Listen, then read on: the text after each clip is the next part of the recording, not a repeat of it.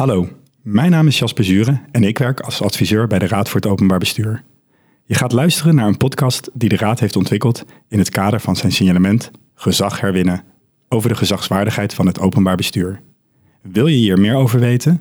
Ga dan naar onze website www.raadopenbaarbestuur.nl of kijk in de beschrijving van deze podcast.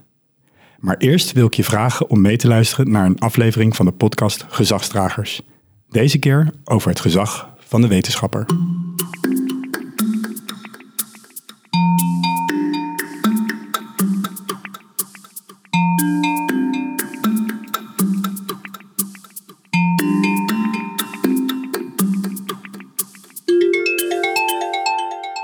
Gezag is in de hele samenleving minder vanzelfsprekend. En toch zijn er nog altijd mensen die we als gezagsvol zien. Bijvoorbeeld om wie ze zijn, om wat ze doen of wat ze weten. Wat kan het openbaar bestuur daarvan leren om zijn eigen gezag te herstellen? Dat is de vraag die we in de podcast Gezagsdragers proberen te beantwoorden door in gesprek te gaan met mensen met gezag op verschillende terreinen van de samenleving. Vandaag doen we dat met Corine Prins. Zij is hoogleraar recht en informatisering aan de Tilburg Law School van Tilburg University en voorzitter van de WER, de Wetenschappelijke Raad voor het Regeringsbeleid. We gaan met haar praten over het gezag van de wetenschapper. Corine, ontzettend leuk uh, dat je te gast wil zijn in onze podcast. En uh, heel leuk dat je ons hier ook bij de WER op steenworp afstand van het Binnenhof wil ontvangen. zou je even kort kunnen beschrijven wat de WER is en wat de WER doet? Ja, de naam zegt het eigenlijk al. Wetenschappelijke Raad voor het Regeringsbeleid. Dat betekent dat wij op wetenschap gebaseerd beleidsadvisering doen. Dus advisering aan de regering op wetenschap gebaseerd. Dus wat we niet doen is um, wetenschap als het ware direct over de schutting brengen uh, richting beleid. Maar wat wij doen is nadenken over een aantal strategische lange termijn kwesties die spelen. Ons, ons onderzoek, onze adviezen zijn altijd lange termijn gericht. Knoppen kunnen weliswaar in het heden zitten, maar het zijn echt onderwerpen gericht op de langere termijn. Voorbeelden. Uh, klimaatrechtvaardigheid. Hoe verdelen we nu eigenlijk de lasten uh, die gepaard gaan met de klimaatopgave? Hoe verdelen we die eerlijk? Wat is dan eerlijk? is dat de sterkste schouders dragen de lasten? De vervuiler bepaald, betaald. Um, kortom, heel veel verschillende principes. Nou, het nadenken over die principes en het toepassen in beleid is heel belangrijk voor een aantal van de grote opgaven waar de komende jaren voor staan. En die principes halen we uit de wetenschap. Dus wij benutten en gebruiken wetenschappelijke inzichten om, om beleidsvragen te adresseren. Dat is wat de Wetenschappelijke Raad voor het Regeringsbeleid doet. En dan is het altijd domeinoverstijgend en daarmee ook disciplineoverstijgend. Dus ook verschillende wetenschappelijke disciplines. Ja. ja. En, en hoe word je lid van de uh, Raad voor het Regeringsbeleid? Ja, in ieder geval door een um, uitstekend wetenschapper uh, te zijn. Een wetenschapper met gezag. Nou, daar komen we straks vast wel over te spreken. Die ook snapt uh, hoe het beleid en hoe politiek in elkaar zitten zonder zelf politiek te worden. Dus de raadsleden, eh, het is een divers geheel, dus we kijken niet alleen naar het individu, maar ook het, het totaal van de raad. Verschillende disciplines moeten daarin vertegenwoordigd zijn. Nou, natuurlijk goede balans man-vrouw, um, andere overwegingen. Maar het gaat over, een, over een, verschillende disciplines. Dus denk één, uh, gezag in wetenschap, uh, begrijpen hoe je wetenschap benut om beleidsuitdagingen ter hand te nemen. Dus ook snapt hoe de beleidswereld in elkaar zit. Helder, dankjewel. En je maakt eigenlijk al een heel mooi bruggetje naar, naar het onderwerp eh, van ons gesprek, uh, gezag. En uh, het gezag van de weten, wetenschap. de Raad voor het Openbaar Bestuur, jullie collega-adviesraad, heeft geconstateerd dat het gezag van de overheid minder vanzelfsprekend is geworden in de afgelopen decennia. De Raad definieert gezag daarbij als vrijwillig aanvaarde macht in tegenstelling tot bijvoorbeeld niet vrijwillig aanvaarde macht, zoals dwang. En in deze podcast praten we over en met mensen met gezag en proberen we te onderzoeken wat het openbaar bestuur van hen kan leren. Uh, graag wil ik met jou van gedachten wisselen over het gezag van de wetenschap. En uh, daarvoor had ik een globale structuur bedacht. Van eerst gaan we uh, verkennen hoe het staat met het gezag van de wetenschap op dit moment. Daarna hoe je als wetenschapper binnen de wetenschap zelf gezag verwerft en daarbuiten als wetenschapper. En wat het openbaar bestuur uh, daarvan zou kunnen leren, uh, tot slot. Om te beginnen bij de eerste vraag. Hoe staat het met het gezag van de wetenschap? Wat is jouw, wat is jouw visie daarop? Of? Nou, we zijn natuurlijk wel als wetenschappers flink uitgedaagd uh, door de coronapandemie.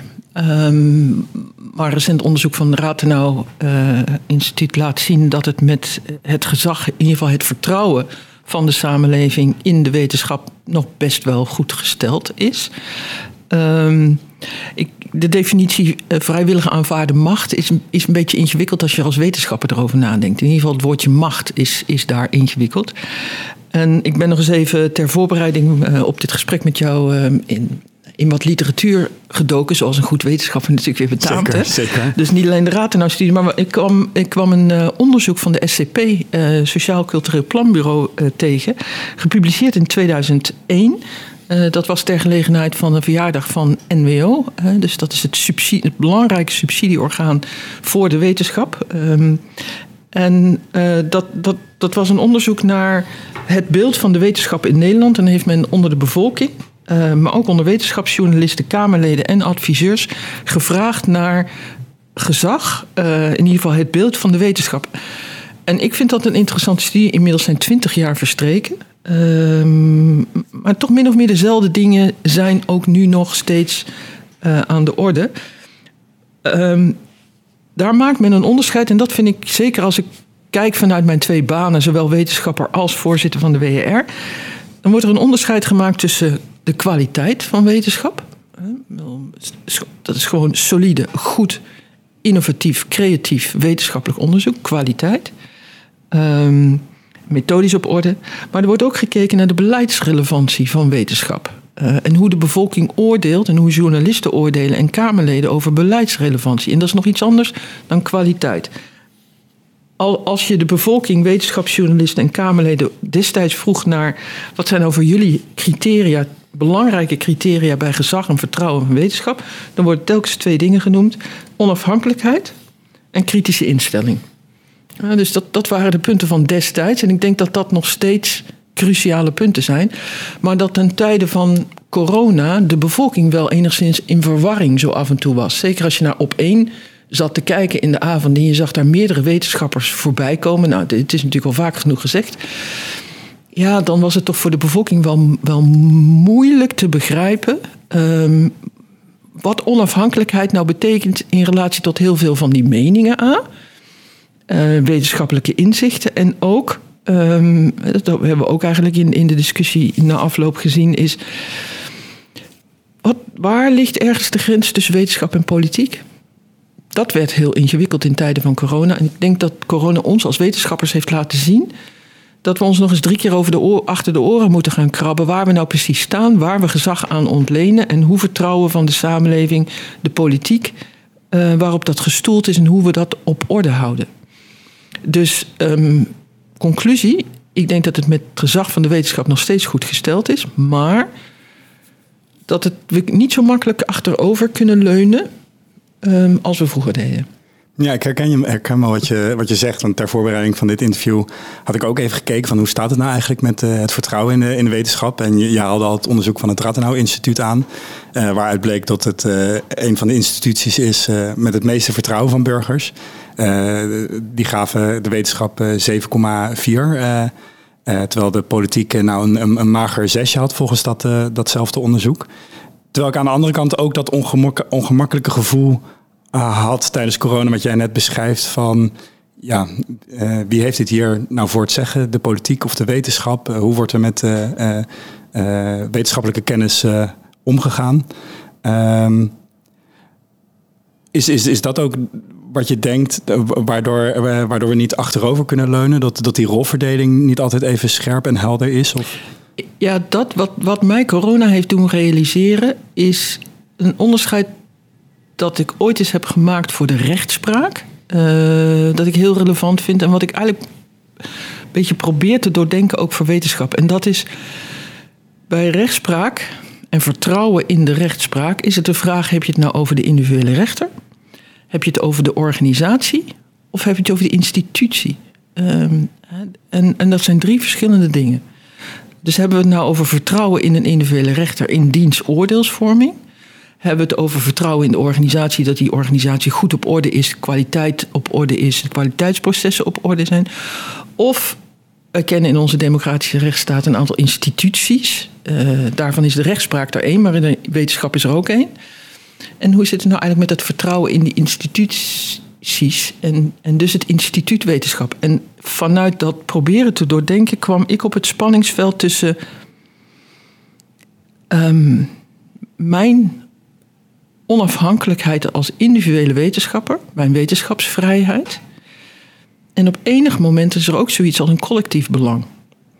Op enig moment vind ik dat je als individuele wetenschapper moet zeggen: ja, maar um, uh, zeker op terreinen waar de waarheid als het ware niet bestaat, ook wetenschappelijk de waarheid niet bestaat. A, omdat we het nog niet weten, omdat we er nog niet uit zijn, omdat er onzekerheid zit, maar ook omdat het soms normatief is, bijvoorbeeld op mijn vakgebied het recht. Dan kun je als individuele wetenschapper nog wel A zeggen en mijn collega zegt B en een andere collega zegt C, maar de samenleving begrijpt er niet zoveel meer van. Dus komt er op enig moment niet een punt, zeker als het om kwesties als corona gaat, dat je zegt: oké, maar wat is, wat is als instituut wetenschap nu onze mening hier? En dat is heel ingewikkeld, want het beperkt mijn individuele vrijheid als wetenschapper. En tegelijkertijd denk ik dat we dat gesprek wel moeten voeren. En is dat dan dat de wetenschap moet laten zien dat, dat die pluriform is, dus dat er verschillende opvattingen zijn? Of, of vind je toch wel dat ze dan eigenlijk moet laten zien van uh, moet voorsorteren op een consensus voor de, voor de politiek? Of... Nou, in ieder geval dat we met elkaar het gesprek moeten aangaan. Um, en dat moet, doet mij denken aan. Eh, de aftrap voor deze podcastserie is het signalement van de ROB ja. uh, over gezag. Daar worden drie B's in uh, onderscheiden: ehm, bekwaamheid, betrouwbaarheid, betrokkenheid.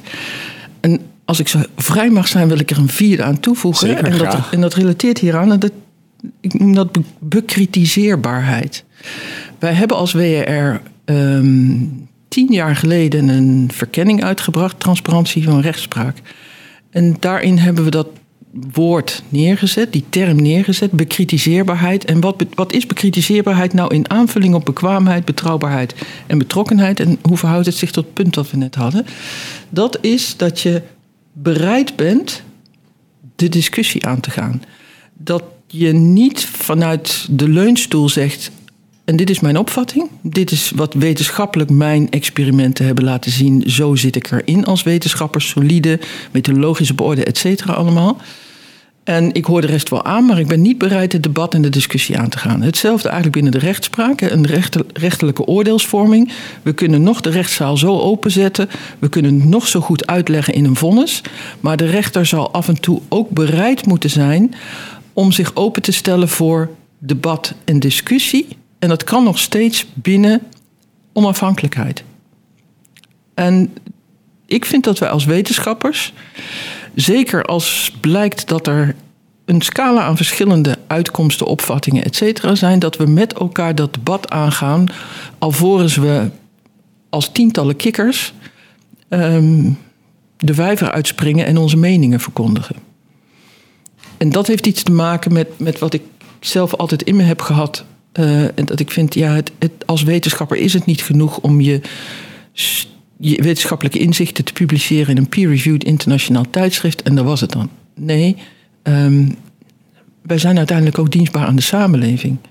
En dat betekent iets. Dat betekent dat ik, dat ik meer moet doen dan alleen maar op mijn eigen dingetje blijven zitten. Ja, dank, dankjewel. Ik vind die bekritiseerbaarheid uh, eigenlijk wel een hele, hele mooie, mooie toevoeging. Ik denk dat we er gedurende het gesprek er ook misschien wel een aantal keer eh, op terug zullen komen. Misschien is dat ook wel de les die het openbaar bestuur zou kunnen leren van, van de wetenschap. Um, is die bekritiseerbaarheid ook de bron van het gezag uh, van de wetenschap? Waar, waar, waar, denk je dat de wetenschap zijn uh, gezag aan ontleent? Oh, dat vind ik wel een ingewikkelde vraag. Ik denk niet dat bekritiseerbaarheid de bron is waar de wetenschap het gezag aan ontleent. Of is dat misschien een van de andere drie B's, de bekwaamheid. Ja. Dat wetenschappers weten waarover zij spreken, omdat ze kennis van zaken hebben, zich erin verdiept hebben. Ja, ik denk dat het allemaal um, voorwaarden zijn, maar dat je niet kunt zeggen het is die of het is die. Um, je kunt niet zonder bekwaamheid. Je kunt ook niet zonder betrouwbaarheid. Je kunt zeker niet zonder betrokkenheid. Uh, en wat mij betreft is ook niet zonder bekritiseerbaarheid. Dus het is niet zo van één is meer dan de andere. Het is, het is ja, eigenlijk de optelsom van, van het geheel. Waarbij die onafhankelijkheid voor mij toch ook wel een hele belangrijke is. Uh, omdat niet onafhankelijkheid vanuit een soort van makkelijk argument om te zeggen: uh, dit is mijn terreintje en je hebt je er niet mee te moeien. Net zoals eh, de ROB of de WRR, wij zijn onafhankelijk in onze agendering en in ons inhoud. Nee, onafhankelijkheid betekent ook je kunnen verantwoorden. Dus, dus onafhankelijkheid betekent transparantie. Transparantie in de zin van uitleggen en accountable zijn. En als ik naar mezelf nu luisterend, denk ik, wat, wat is cruciaal voor gezag? Dat is in ieder geval de bereidheid om dat te doen. Nog, eh, dus kennis en al die dingen is allemaal, betrouwbaarheid is allemaal cruciaal. Maar als je niet bereid bent om transparant in de zin van het uitleggen, verantwoording willen en bereid zijn af te leggen, als je dat niet in je hebt, dan, dan, dan, dan denk ik dat dat kriebelt aan je gezag. En dan, dan kan je eigenlijk als wetenschapper ook geen gezag opbouwen. Als je, als nee, je dat precies. Ik vind het ook altijd het meest ingewikkeld als um, mensen mij ook als wetenschapper gewoon kritische vragen gaan stellen. Want dan moet ik, dan moet ik uit de tent komen. Dan moet ik. Ja, dan, dan, dan, dan is mijn bewijslast. Dan komt mijn bewijslast. Heb ik die op orde, ja of nee? Dat komt eigenlijk pas als de ander vragen gaat stellen. Niet ik mijzelf vragen stel. Zoals ik nu lastige vragen ga stellen. Ja, precies. Uh, ik wilde eigenlijk uh, ook iets meer toegaan naar dat gezag van de wetenschap. Uh, hoe verwerf je als wetenschapper gezag binnen de wetenschap zelf en en vervolgens daarbuiten. Mm ik ben ook heel benieuwd hoe jij daar vanuit je eigen ervaring over denkt. Hoe, hoe, denk je dat, je, wat is cruciaal, los van de dingen die je al hebt genoemd, maar als je, als je beginnend wetenschapper bent en je wil, je wil gezag opbouwen binnen de wetenschap, wat zijn dan de dingen die je vooral wel en niet moet doen? Stel, je hebt, ja, je hebt, ja. er, er, zit een jonge wetenschapper tegenover je en, jij mag die een aantal adviezen geven. Ja. Welke adviezen zou je van, op basis van je eigen ervaring aan die wetenschapper willen meegeven? Nou, in ieder geval schoenmaker hou je bij je leest. In de zin van. Um, heb verstand van zaken. Ga niet over dingen praten waar je geen verstand van hebt. Ja, daar erger ik me echt uh, flink aan. Uh, en is schoenmaker bij je leest, staat het dan ook in blijf binnen je eigen discipline? Of is... Nee, helemaal niet. Nee, want uh, ik ben een groot voorstander van over de schutting heen kijken. Maar snap dan wel hoe die andere wereld in elkaar zit. In plaats van er makkelijk over oordelen. Dus schoenmaker blijft bij je leest. Dat is de leest van voldoende kennis. En die kennis mag zeker, bij voorkeur zelfs, over je disciplinaire grens heen reiken. Maar een wetenschapper. Um, ja, rigor, so, solide zijn, dat, dat geldt altijd. Um, dus in die zin bedoel ik, schoenmaker, blijf bij je leest. Ga vooral niet, begeef je niet op glad ijs dingen zeggen over iets waarvan je eigenlijk denkt, ik weet daar niet zoveel van. Precies, spreek je uit over die dingen waar je verstand over hebt. En dat, ja, en dat kan, kan, iets, kan meerdere disciplines betreffen. Uh, maar ga niet uh, buiten, buiten je eigen onderzoek uh, al te veel nee, meningen en, ventileren. En lopende, ja. je, lopende je loopbaan, dat is niet mooi geformuleerd, maar um, ja, verkrijg je natuurlijk steeds meer kennis en, en voel je je steeds gemakkelijker uh, op bepaalde andere terreinen. Uh, een wetenschapper moet zich ook altijd uitgedaagd voelen, vind ik. Uh, creativiteit is cruciaal voor een wetenschapper. Uitdaging cruciaal voor een wetenschapper. Dus je komt steeds stapjes verder. En dat kan in de diepte zijn, maar dat kan ook in de breedte zijn. Maar een nieuwe terreinen en nieuwe paden verkennen. Um, ik, ik heb zelf gemerkt, het gezag van een wetenschapper ontleen je ook aan nieuwe perspectieven, nieuwe gezichtspunten, nieuwe dingen inbrengen. Nieuw. Ja, mooi. En nieuw dan niet zozeer alleen in de, in, in de zin van waar, iets wat octrooieerbaar bijvoorbeeld is, maar ook gewoon andere manieren van denken, andere manieren van kijken. Um, dingen inbrengen die er tot voor kort nog niet in het wetenschappelijk debat op tafel lagen. Die ja. zoektocht is cruciaal voor gezag. Ja, ja je, je noemt uh, stapjes in de diepte en stapjes in de breedte. Want uh, die heb je zelf ook gezet in je loopbaan. Want uh, als ik me niet vergis, heb je Slavische taal en letterkunde gestudeerd en, uh, en rechten. Mm. kan je daar iets over vertellen? Wat heeft dat met jouw gezag gedaan? Maakte, maakte dat het makkelijker voor jou om gezag te verwerven? Of juist moeilijker, omdat je wilde probeerde te combineren? Nee, dat heeft er niet zoveel mee gedaan. Het, het, wat voor mijzelf... Ik denk, ik ben gevormd door het feit dat ik twee studies heb gedaan. Twee studies die redelijk ver uiteen lagen. En dus heb ik het altijd ongelooflijk leuk gevonden om, om meer te doen dan alleen maar met, iets met het recht. Ik denk dat ik niet voor niks in recht en technologie terecht ben gekomen, omdat ik het leuk vind om over, ik zeg altijd maar simpel, over de schutting heen te kijken. Dat heb ik al in mijn studietijd gedaan, dat heb ik altijd gedaan. Um, dat heeft in mijn geval iets betekend voor mijn gezag, maar dat is niet noodzakelijk iets voor iedere wetenschapper. En uh, je hebt zelf ook, uh, ook meerdere titels. Je bent onder andere uh, hoogleraar of professor. Merk je daar wel eens iets van in de omgang met andere mensen dat je daar gezag aan ontleent? Dat mensen je anders benaderen omdat je hoogleraar bent? Nou ja, kijk, uiteindelijk het hooglerarsambt komt met bepaalde bevoegdheden, maar ook verantwoordelijkheden. En dat betekent dat je ja, ook gezag hebt om, om proefschriften te begeleiden. Uh, weliswaar kunnen nu ook UHD's terecht uh, proefschriften begeleiden, maar ja, gezag op, op die manier. E-, even misschien een kleine zij, zijlijn, maar ik, ik werd hoogleraar in 1993. Um, ehm, ik was de eerste vrouw in de faculteit. Ik, ik heb wel gemerkt dat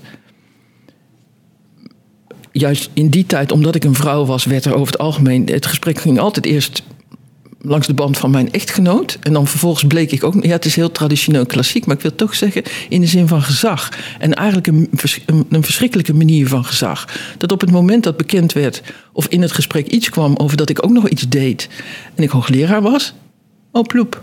Was een andere discussie. En dan denk je, ja, maar dat is niet het gezag dat ik zou willen hebben. En dat ooploep was dat mensen ook echt op een andere manier je ja, benaderen? Ik was ineens wel een, een interessante gesprekspartner aan tafel denk, ja, maar die, die vorm van gezag wil ik, wil ik vooral niet hebben. En een hele andere vraag. Uh, eerder... Of althans, sorry dat ik onderbreek. Ja, niet, nee, geen niet, probleem. niet in zo'n context op die manier. Ja, ik snap het. Ja. Nee, waar ik eigenlijk ook naartoe wilde is, uh, ik had het eerder al over de, onze definitie van gezag, die vrijwillige aanvaarding van macht. En jij gaf ook al aan van ja, dat is toch ook een, lastig begrip, uh, macht. Hoe kijk je aan tegen, tegenover macht in de wetenschap? Speelt dat daar? Dat speelt op een hele andere manier. Eh, waar ik mij zorgen over maak is data en macht. En dat zit misschien, dat zit ook wel een beetje op mijn vakgebied, recht en technologie. Maar um, als je ziet, um, met het simpele voorbeeld van de big tech. Um, nou, de big tech komen, kom, komen overal binnenrijden, zeg ik maar altijd. Hè? Maar ook in het wetenschappelijk bedrijf, in de wetenschap, zowel in het onderzoek als in het onderwijs. Als we niet oppassen, dan zijn we in het kader van open access, ook een open data, zijn we van alles en nog wat aan het weggeven. Dus de AWTI heeft recent een, een uh, rapport gepresenteerd waarin juist wordt opgeroepen om heel, heel goed te kijken naar wat doen wij nou met data, met kennis en het beschikbaar stellen van kennis.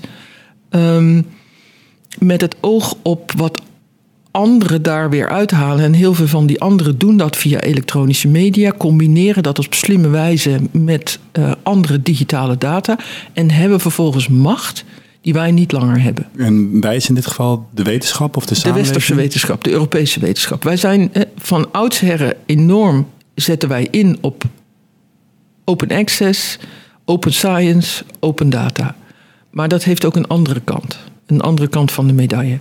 En daar moeten we kritisch op zijn. Niet dat we dit niet langer moeten doen, maar we moeten wel oppassen wat het weggeven van data betekent voor de macht van de ander, wat we vervolgens niet meer, niet meer weer kunnen terughalen. Omdat zij allerlei add-on dingen er, erop zetten op onze open data. En daar mogen wij dan vervolgens weer voor gaan betalen. En heb je het dan uh, over bijvoorbeeld uh, hoe er gepubliceerd wordt in wetenschappelijke tijdschriften en wie er vervolgens eigenaar is en toegang heeft tot die, uh, ja. tot die artikelen? Ja, dus open access heeft nu als gevolg dat we moeten gaan betalen voor artikelen in tijdschriften.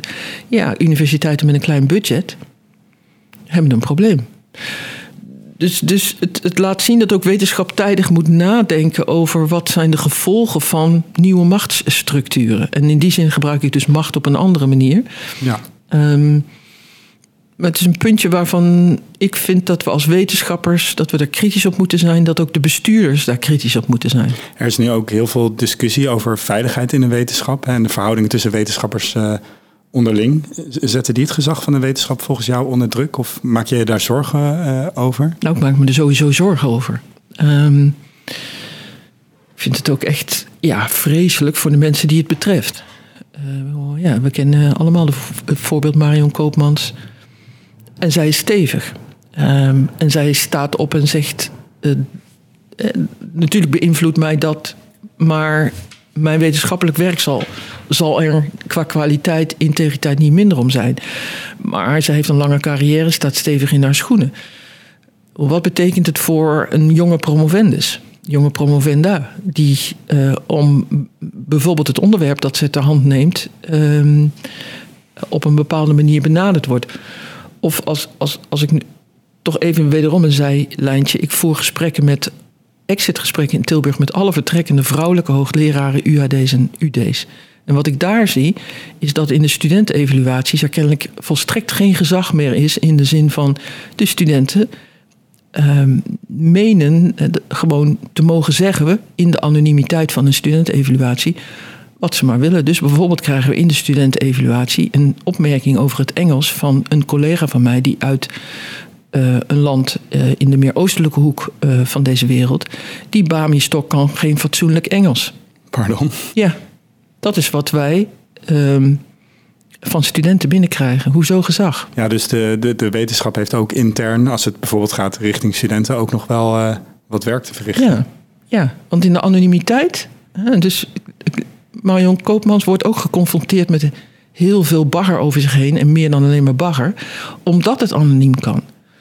Dus um, ook, ook jonge docenten krijgen dit over zich heen. Omdat we het toestaan dat studenten anoniem mogen en kunnen evalueren. Dus daar moeten we wat aan gaan doen.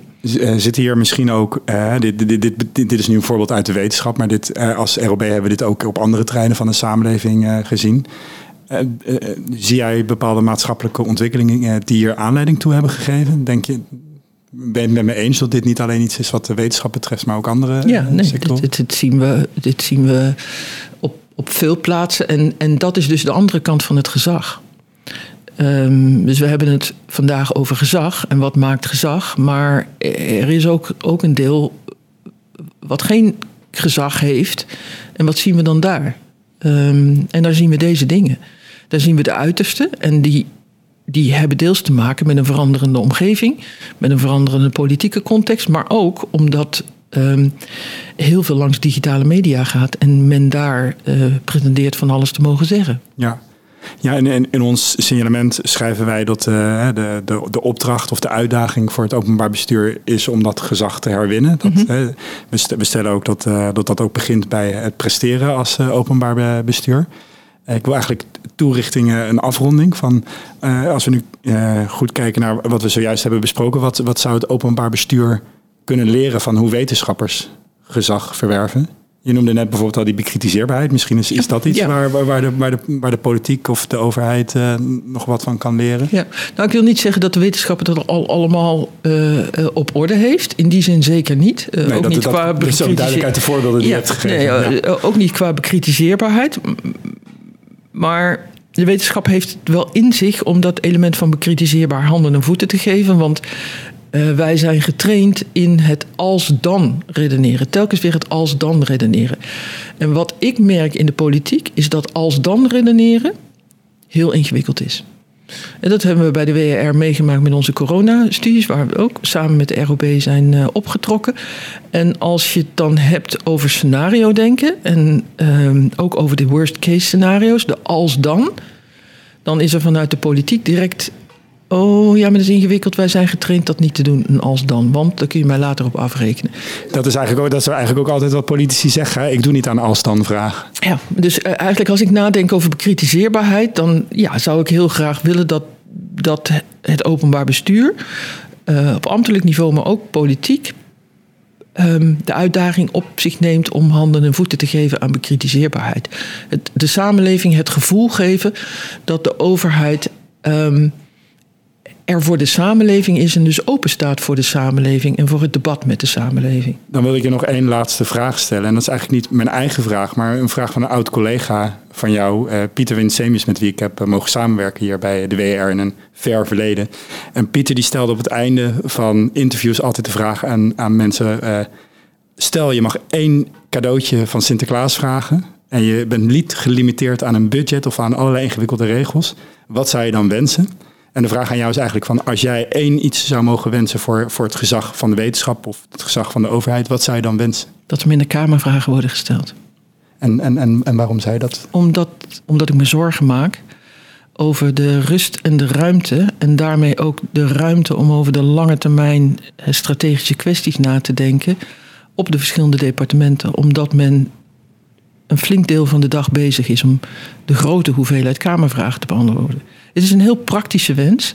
En het is een uitermate fundamentele, ingewikkelde wens. Want rechtsstatelijk en democratisch en et cetera is het eigenlijk not dan dat ik dit zeg. Ja, ik, ben ook, ik ben ook wel een beetje verrast van uh, wetenschappers zijn natuurlijk bij uitstek de mensen die, die, die veel vragen. Ja, maar ergens moeten we ophouden. Op enig moment moeten we ophouden, omdat we er zitten maar 24 uur in de dag en 7 dagen in de week. Als je al voltijds zou willen werken in die zin. En ergens moet je prioriteiten stellen. En ik zou zo graag willen dat we met elkaar als democratische rechtsstaat prioriteiten stellen. En dan natuurlijk is daar ruimte voor Kamervragen, maar er moet absoluut ook ruimte zijn voor, voor, voor, voor, voor nadenken, voor bekwaamheid, betrouwbaarheid, betrokkenheid en bekritiseerbaarheid. Noem het maar even. Ja. Maar daar heb je tijd voor nodig. Ja, en ik hoor toch ook wel weer dan, dan de wetenschapper naar boven komen die zegt van. Uh, vragen stellen ja, maar het moet wel afgebakend en gefocust zijn, zodat we voldoende de diepte kunnen opzoeken. Ja, en het verdere plaatje, het bredere plaatje en de stip of de horizon kunnen zien. En niet alleen met vandaag bezig zijn. Ook een wetenschapper denkt na over morgen. Dat vind ik een mooie afsluiting. Hartelijk dank voor uh, uh, je bereidheid om mee te doen aan deze podcast. Graag gedaan.